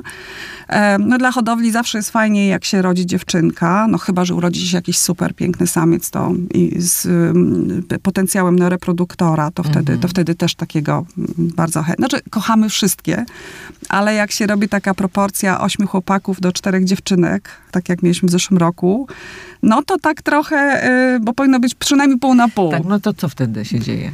No kochamy wszystkie, ale, ale na pewno, na pewno, bo dziewczynki z reguły za, zacho- zachowujemy, a, a samczyków, sa, sa, samców, no musimy y, gdzieś tam sprzedać, bo, Mhm.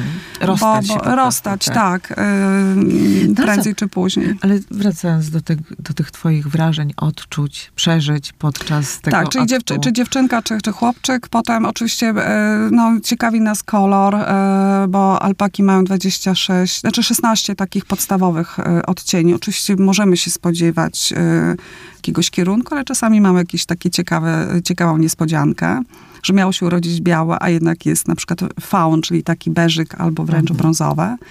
E, No i, i, i- zawsze interesuje nas też jakość tego dziecka. Tą, tą budowę właściwie od razu troszkę można ocenić. Na pewno widać runo. No bo chodzi o to, żeby jak, skoro rozmnażamy te zwierzęta, żeby rozmnażać takie prawidłowo zbudowane, mm, jak najładniejsze, z jak najlepszą jakością runa.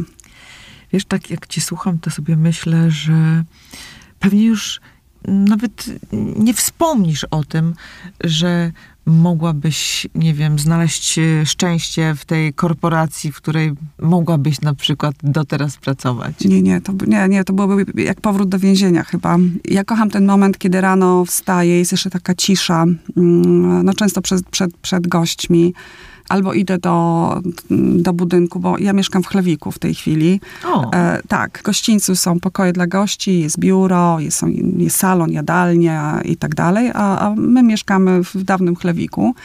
E, świetnie się tam mieszka. jest miło. 6 metrów wysokości, tak, w ogóle ściany są z kamienia, e, więc latem, jak jest bardzo ciepło na dworze, to jest tak fajnie chłodzi, a wieczorem oddaje to ciepło. Ale ty w tym stuletnim swoim domu, czy Tak, gospodarstwie... to, to jest stuletni chlewik, tak. Właśnie. Tak. To chyba też musiałaś się uporać z duchami przodków. E, by, znaczy nie wiem, czy to były duchy przodków, ale na pewno było dużo mieszkańców. Mieliśmy dużo lokatorów. E, jak tam nastałam, to tak czułam, że jestem albo obserwowana, albo robiono mi sporo różnych psikusów.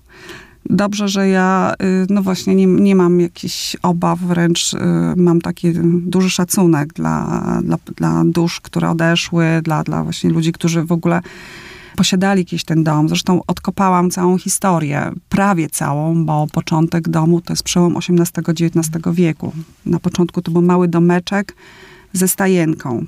To jest, no, my teraz na to karczma mówimy. To jest właśnie przełom tego, tego, y, tego okresu, a w 1920 roku pan Fritz Weller kupił ten dom i go rozbudował do takiego wielkiego. No miał wielkie gospodarstwo, 60 hektarów. Mam nawet mapę, jak tam wszyscy ze sobą fajnie mieszkali. Tu pan Kowalski, tu pan Zimmerman, a tu pan Weller. I nie było problemów, żeby się dogadywali, no bo tam, tam był duży patchwork, mm -hmm. dużo było ludności takiej właśnie przesiedlonej też, przecież to były Prusy Wschodnie. Um, także ja odgrzebałam całą historię domu, nawet poznałam panią, która w tym domu mieszkała jako dziewięciolatka, musiała go opuścić. No jak sobie poradziłaś z tą przeszłością? Ja bardzo ją szanuję i bardzo właśnie chciałam ją poznać. E, nie wiem, czy te, te, ci lokatorzy, którzy tam czasami jakieś psikusy e, płatali, żeby ich zauważyć, bo ja to tak odbierałam, e, czy to byli ludzie związani z tym domem, czy po prostu dusze, które gdzieś tam zorientowały się, że może jest ktoś, kto może im pomóc odejść. Bo, bo tak to trochę wyszło też przypadkiem, ale no widać nie ma przypadku w życiu. Jak nastał mój mąż Duńczyk, przyjechali teściowie, i u nich obchodzi się Noc Świętojańską jako święto Sanhend. E, do dzisiaj palą nad e, morzem duże ogniska, gdzie właśnie no, odchodzi ta zła energia. Kiedyś palono czarownice na stosach. No i my też postanowiliśmy zrobić taką właśnie, taką imprezę. Rytuał. E, taką właśnie imprezę rodzinno-przyjacielską. Sąsiadów żeśmy zaprosili, dużo tam naszych znajomych, przyjaciół. Zrobiliśmy czarownicę. Zrobiliśmy, przygotowaliśmy ognisko, poczekaliśmy na, na wieczór i jak rozpędziliśmy ten ogień, tam naprawdę nie było rzeczy jakichś łatwopalnych, poza tym, że było drewna, ale też go wcale nie było tak dużo.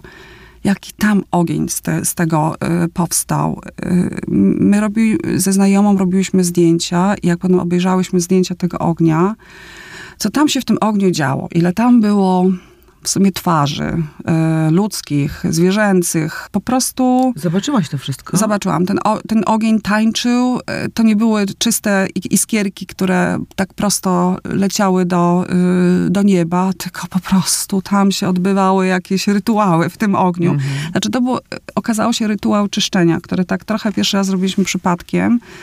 Mm, ja wtedy pomyślałam, mm, bo nawet widziałam, że ten ogień się dziwnie zachowuje, że pewnie te dusze, które gdzieś tam nie robiły mi psikusy. Yy, robiły? Robiły. Nawet mnie kiedyś zamknęły w pokoju. to tak wiem, że zabrzmi jak z horroru, jak z, ze scenariusza filmowego, ale było kiedyś tak, że to już była dziesiąta wieczór, poszłam na piętro do jednego z pokoi, e, ścielić łóżka, bo e, mieli przyjechać goście. Zamknęłam drzwi, Klamki były okrągłe wtedy. E, no, zrobiłam co trzeba, chciałam wyjść. Otwieram tą klamkę, nic. I zamknięta. Kurczę, co to? Klucz się przekręcił w zamku, czy, czy... Nie mogę wyjść. Szarpałam się z tymi e, drzwiami. Mówię, ciemno, późno. Sąsiad gdzieś tam kosił daleko pod lasem. Mówię, Boże, zanim on tu zjedzie. Wysoko w ogóle, nie zejdę, bo się połamie. Co zrobić? No i pomyślałam, że trzeba porozmawiać. E, z duchami. Z duchami. Tak. Po, doceniłam je, uszanowałam, ale poprosiłam, żebyśmy sobie, żebyśmy się nawzajem szanowali, że jest też miejsce dla nich, że ja rozumiem, że no, ktoś był przed, przed nami tutaj, ale żeby nam nie, żeby nie utrudniały życia, że ja bardzo proszę mnie wypuściły, bo ja muszę iść dalej, coś podziałać. Podchodzę do drzwi, pyk, proszę. Czyli ułożyłaś się z nimi. Tak.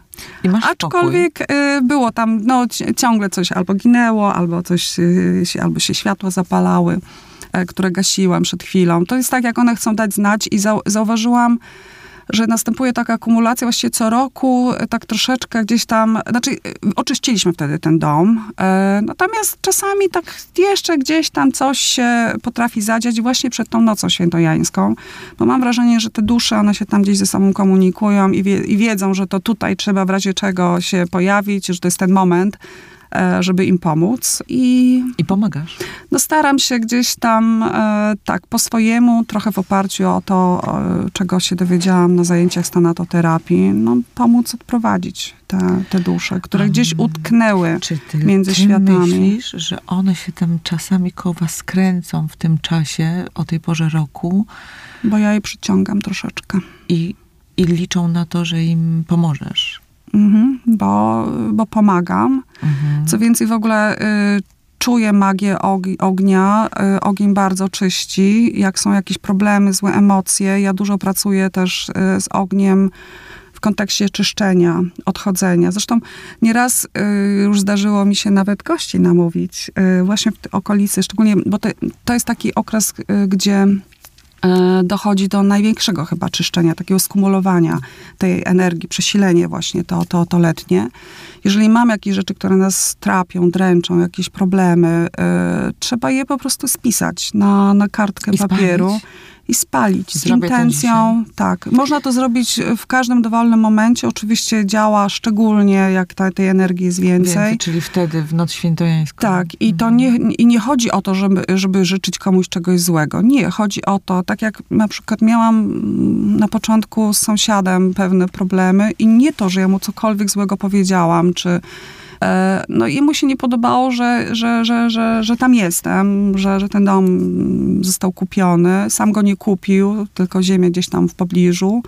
Potem go zaczęło boleć, jak, Jak dom kwitło, tak. kwitło i tych gości było coraz więcej. Przecież to się nie może udać, to nie jest nad jeziorem, a tu się udaje i właściwie co chwilę gdzieś jest o nas jakaś informacja.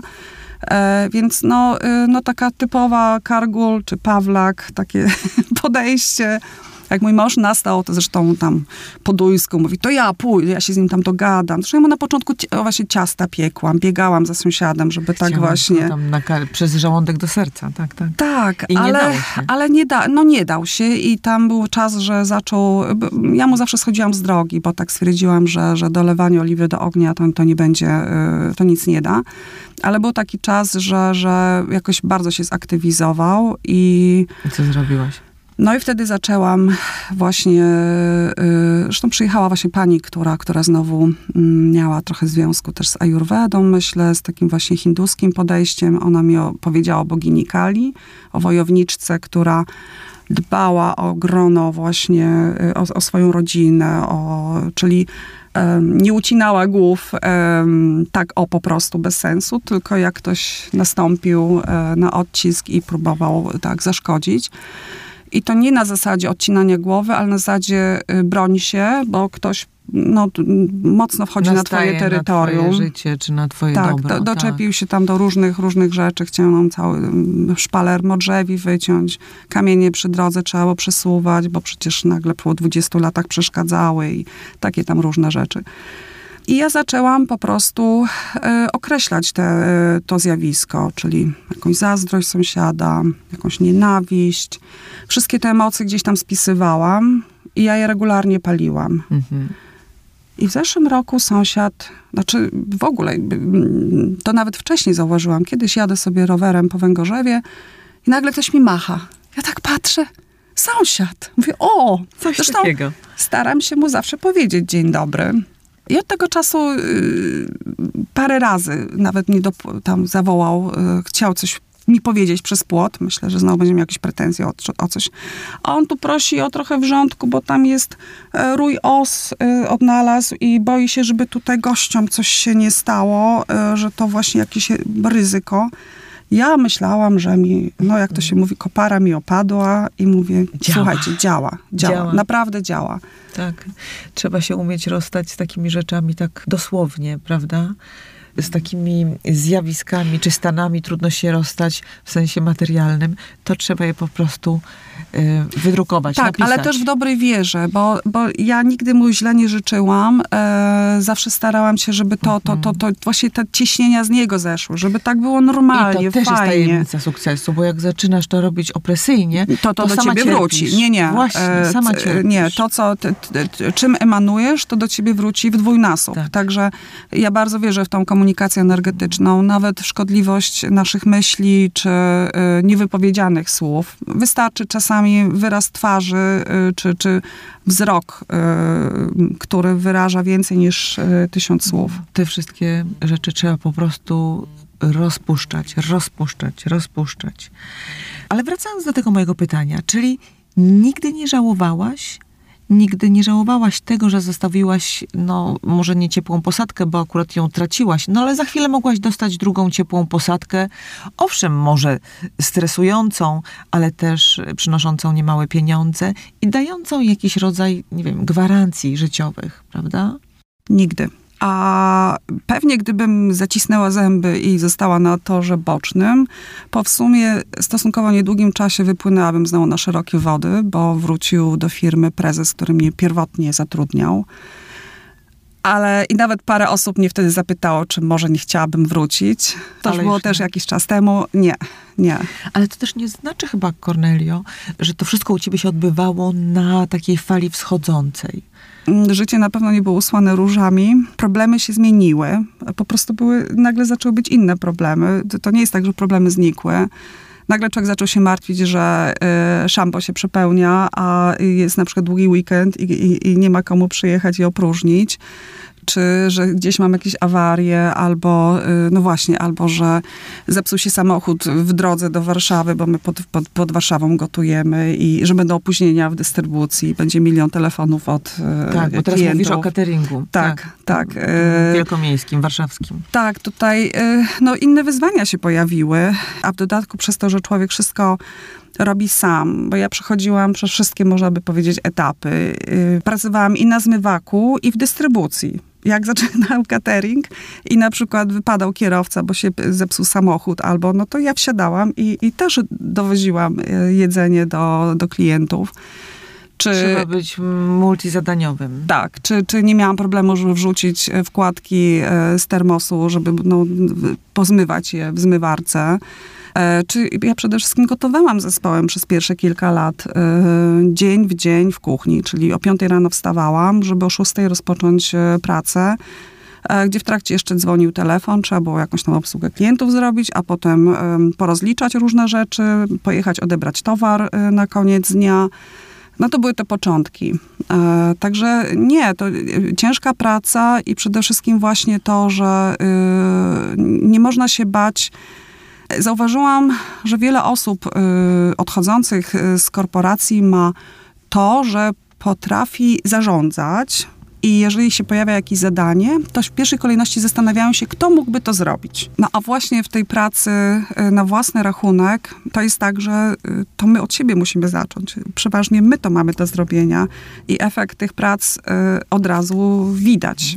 Kiedyś powiedziałeś, że żeby coś osiągnąć w życiu, żeby, nie wiem, biznes, który zakładamy, czy przedsięwzięcie, które inicjujemy, skończyło się jakimś sukcesem, to trzeba mieć trochę talentu i dużo dużo, dużo, dużo, pracowitości. Tak, tak, ale absolutnie... I nie ma zmiłuj. E, tak, e, i takim wyzwaniem, które tutaj się pojawia w tym obszarze, jest właśnie złapanie tej równowagi, bo mm, no nie ukrywam, że ja w pracy jestem, staram się to zmienić. Od siedmiu mhm. lat jakoś od ostatniej rozmowy nie, nie do, nie do końca udało. mi się to udało, żeby złapać tą równowagę, żeby mieć też ten czas dla siebie bo ja de facto pracuję 7 dni w tygodniu. No bo gości mamy cały sezon, dzień w dzień. Tam nie ma weekendów. Weekendy jeszcze tak jest więcej. Samo. Zwierzęta trzeba karmić. I są od was zależne, absolutnie. Tak. Wprawdzie tak. Mam, e, mam, mam, mam ludzi do pomocy, bo też no, mieszkamy na, na dwie lokalizacje, czyli w zimie jesteśmy pod Warszawą, a, a latem na Mazurach, e, a hodowla, no codziennie trzeba karmić, sprzątać. Mamy podglądy, mamy osoby na miejscu, jeździmy regularnie. To jest też niesamowite, bo wyście sobie to wszystko świetnie też też usprawnili, jesteście zelektronizowani. Tak, no ja nawet teraz mogłabym pokazać y, na komórce y, pewnie puste boksy, no bo jest taka pora, że one właśnie wyszły na pastwisko. Możesz monitorować to, co dzieje się w, tak, w gospodarstwie. Tak, live. Tak, live. -hmm. Więc y, zawsze wieczorem przed pójściem spać jeszcze patrzę w boksach, jak, jak wygląda sytuacja. Czy wszystkie leżą i sobie przeżuwają, czy stoją i jedzą. Bo jeżeli stoją i jedzą i, i, i za dużo ich stoi, to znaczy, że dostały za mało paszy że są po prostu, że szukają, że nie mają tego komfortu, jeszcze się nie zrelaksowały. I możecie sobie powiedzieć dobranoc. Tak, tak. Słuchaj, dobrze, ale jeszcze jedno na zakończenie. Cornelio, masz w sobie niewątpliwie takie wojownicze cechy, bo to naprawdę trzeba być dzielnym człowiekiem, żeby poradzić sobie z tyloma wyzwaniami, zbudować coś z niczego i cały czas coś tam budować. Zastanawiam się, co ci pozwala utrzymać się w pionie wtedy, kiedy życie jednak cię trochę przygniata. No bo to nie jest tak jak powiedzieliśmy, tylko fala wschodząca, to nie są mm. tylko cudowne dni pełne kolejnych są satysfakcji. Też łzy, e, tak, są, są trudne momenty, kiedy ludzie zawodzą, e, taka bezsilność, bo sukcesem albo kluczem do sukcesu jest otoczenie się właściwymi ludźmi, no bo wszystkiego sama nie zrobię. A z tym wiemy, że jest trudno e, znaleźć takie właśnie osoby z sercem, zaangażowaniem. No ale gdzieś tam prędzej czy później się udaje.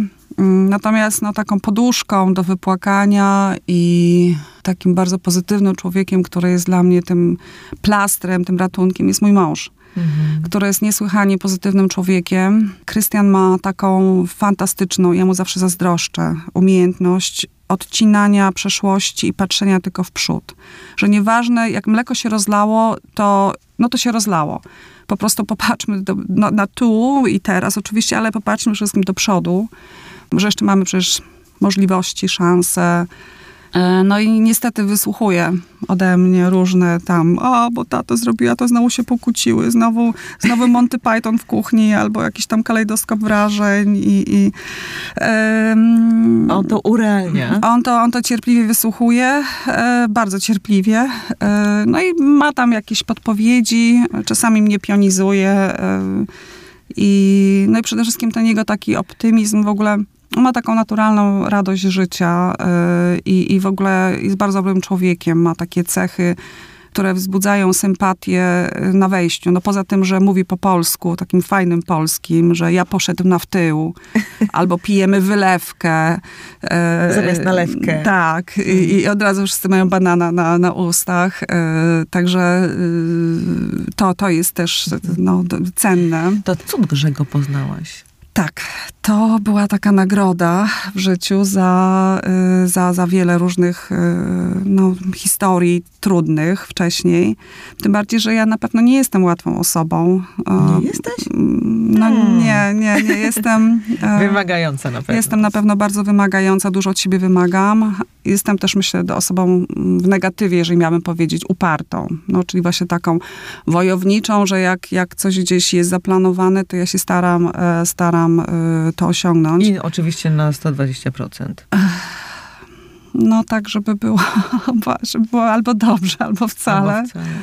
Mhm. no i też mam jakieś swoje przekonania. niektóre rzeczy po prostu wynikają z, może z intuicji, niektóre z jakichś tam mhm. przekonań. Staram się być elastyczna, ale y, różnie z tym, z tym A wychodzi. się udało zgrać. Tak, no ja zawsze mówię, że nasz związek to jest y, rozważny i romantyczny. E, przepraszam, na odwrót. Rozważna i romantyczny. A, Tak, na odwrót, tak. Bo ja mhm. jestem hmm. tak bardziej uziemiona i, i stąpająca zresztą spod znaku panny. No tak, A... ale to jest też taka panna uduchowiona z tego, co usłyszałam dzisiaj. I tak, znaczy, tak, znaczy no, numerologiczna dziewiątka tak ma, że jest zawieszona między kosmosem a Ziemią. I, i no. jest wtedy szczęśliwa, kiedy ma to serce na dłoni. Aha. Więc i tym się kieruję, bo, bo ta cała praca, się, którą tak. robię, ona jest w tym obszarze, bo, bo karmię, bo regeneruję e, siły witalne, bo jestem tym balsamem na te e, skołatane serca, czyli e, no, zajmujemy się emocjami. Czy to, czy to ja mam jakiś tam wpływ, czy chociażby te zwierzęta, które nas tak otaczają i, i ja widzę, jak po prostu wszyscy reagują. Czyli w tym biznesie nie chodzi o pieniądze. Znaczy ja mnie nazwała tego biznesem. Um, ja zawsze wychodziłam z założenia, że coś chcę zrobić dobrze, a te pieniądze gdzieś tam przychodziły i oczywiście człowiek czasami się martwi, czy mu starczy na dużą alpakarnię, którą w tej chwili budujemy, no bo tam cały czas są potrzeby, ale jakoś zawsze udaje, że, że a tu, tu zarobimy, nie wiem, tam się coś pojawi, jakaś, jakaś... Ten los, jak, się pracuje w tym obszarze dobrej energii, to te drzwi się otwierają i, I gdzieś ten los nam sprzyja. Tak, Oczywiście są trudne momenty i wszyscy je mamy. I właśnie uświadomienie sobie tego faktu, że jak mamy jakieś trudności, problemy, załamania, że to nie tylko nam się przytrafia. To już daje dużą siłę, dużą moc. I też taka umiejętność właśnie czasami może wyhamowania i powiedzenia, ok, to robię przerwę, yy, nie, naprawdę wszystko zostawiam, dzisiaj nie pracuję, pójdę w końcu na ten basen, yy, no to też jest bardzo ważne i, i potrzebne, żeby tak. siebie właśnie jakoś tam zacząć doceniać, kochać. No i oszczędzać te swoje zasoby energetyczne, które nie są niewyczerpywalne. Których jest coraz mniej, no bo Właśnie. jednak y, mamy swoje lata i, i z każdym rokiem nie, nie, niekoniecznie będzie ich więcej. Chociaż ty masz taką moc, Kornelio, że y, możesz to wszystko szybko zregenerować, również te y, zasoby. Mówisz dużo o tej dobrej energii, która jest ci potrzebna do tego, żeby dobrze funkcjonować. Jak ty myślisz, dlaczego ludzie generują złą energię nierzadko? Przyczyna jest właściwie jedna. Poczucie własnej wartości. Albo Jeżeli- jego brak pewnie. Jego brak. Jeżeli mamy wysokie poczucie własnej wartości, jesteśmy graczem zespołowym, e, przyjmujemy lekcje od życia, e, jesteśmy otwarci na tak zwany feedback, czyli mamy tą pokorę w sobie. E, jeżeli coś nas dot, dotknęło, to mamy właśnie tą siłę, żeby się zatrzymać, zastanowić, jak pracować nad sobą, żeby być lepszym. Natomiast niestety u osób z niskim poczuciem e, własnej wartości, a tych niestety jest w otoczeniu zwykle więcej, bo, bo taką mamy historię, bo tak nas wychowała szkoła, rodzina, kościół. Jest przeważająca ilość. E, Te osoby zawsze będą postrzegać jakieś przeszkody w życiu, że to właśnie ktoś im robi jakąś krzywdę Szukają winnych na y, zewnątrz. na zewnątrz. Tak. Y, Mają zamknięte głowy y, przed, przed y, przyjmowaniem, odbierają w ogóle feedback jako krytykę, jako napad na, na, na osobę, zamiast pracować nad swoimi słabościami. Nie widzą tego w kontekście pozytywów, że wiedząc, że, bo ludzie są lustrami dla nas, jeżeli ktoś nam coś pokaże, y, zrozumiemy to, możemy właśnie nad tym pracować, żeby być lepszym. Y, Ja to tak zawsze tłumaczę wszystkim paniom y, naokoło, czy w gościńcu, czy w kuchni ale widzę, że y, no, dużo wody musi zawsze upłynąć, żeby, żeby coś tam gdzieś zasiać. Ilekroć kogoś przyjmuję do pracy, zawsze mówię, że ktoś pracuje przecież na własny rachunek poniekąd, na swoje doświadczenie, na swoje CV. To jest coś, czego mu nikt nie zabierze. No i przede wszystkim to, że my siebie właśnie traktując tą energią, tak naprawdę wpływamy na to, jak my się będziemy czuć. Jaka, jak, jakie będzie, jakie będzie mm, otoczenie, Jaki będzie energia. Tak, dokładnie. Energia w miejscu, w którym tak. pracujemy. Tak, to generujmy tę dobrą energię. Zresztą widzę, jak e, energia człowieka ma tak duże znaczenie, jak, jak jestem na miejscu, gdzie się czymś zajmuję. No wiadomo, pańskie oko konia tuczy, ale też od razu jakoś tak energetycznie dużo więcej pozytywnego się dzieje. Niech się dzieje. Niech się dzieje. Bardzo serdecznie Ci dziękuję za tę Ja ciekawą mm, rozmowę i za te wszystkie wskazówki i za wiedzę, którą się dzisiaj ze mną i ze słuchaczami podzieliłaś. To jest absolutnie bezcenne, chociaż zdaję sobie sprawę z tego, że to jest tylko rąbek, że to jest tylko fragmencik tego, co masz do przekazania światu. Ja bardzo dziękuję za zaproszenie i y, lubię w sumie przekazywać tą wiedzę. Zresztą o warsztatach nie powiedziałam, bo jeszcze warsztaty prowadziłam Mhm. przecież takie Ja praktyczno-teoretyczne, tak. E, bo wtedy płynie ta dobra energia, która potem do nas wraca w dwójnasób. Dziękuję. Dziękuję również. Where, where